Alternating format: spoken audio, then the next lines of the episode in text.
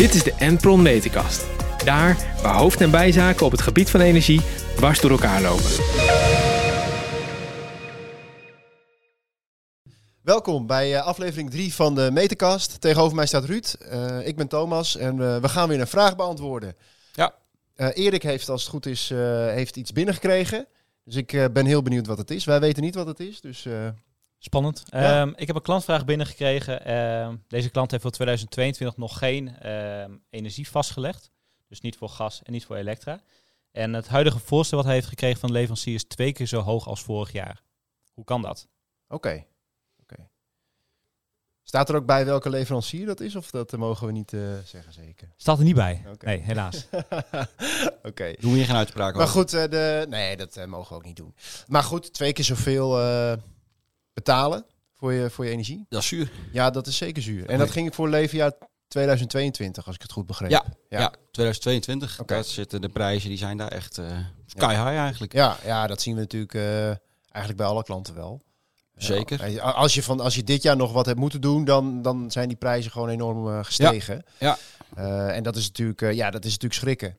Dat is altijd schrikken. Ja, Maar Ja. ik denk dat wat veel interessanter is, van ja, hoe komt dat nou eigenlijk, wat die, wat die klant ook vraagt. Nou ja, daar zijn natuurlijk een aantal, eh, een aantal redenen voor. Eh, we hebben een koude winter gehad en een, eh, een koude lente ook eigenlijk, waardoor de gasvoorraad een beetje is eh, geslonken. Eh, nou ja, dat doet de prijzen natuurlijk eh, behoorlijk opdrijven.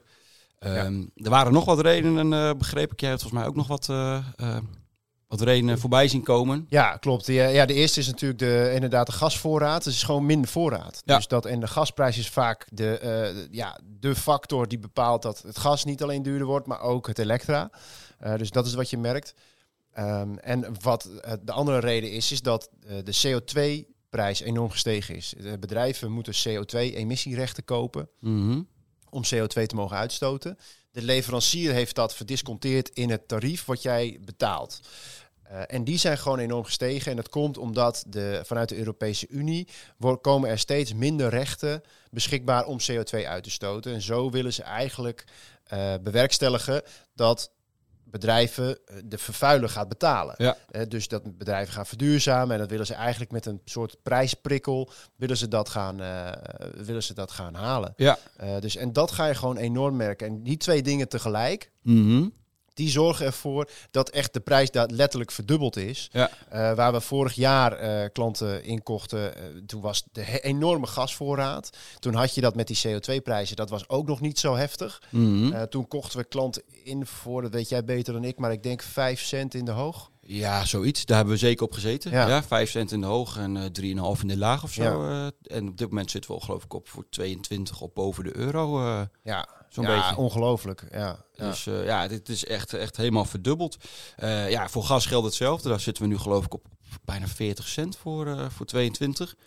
Waar we dat eh, een aantal jaar geleden ging dat voor, voor 18 cent of zo. Dus Ja. dat, nou ja, reken maar uit. Wat, je, wat had je kosten als ondernemer? Ja, dus dat, ja, dus dat is eigenlijk de reden waarom het gestegen is. Ja. Ehm, en eh, ja, dat, je kan eigenlijk, als je nog wat moet doen, ben je wel een beetje aan de late kant. Maar is het denk ik verstandig om een goed moment te timen Ja.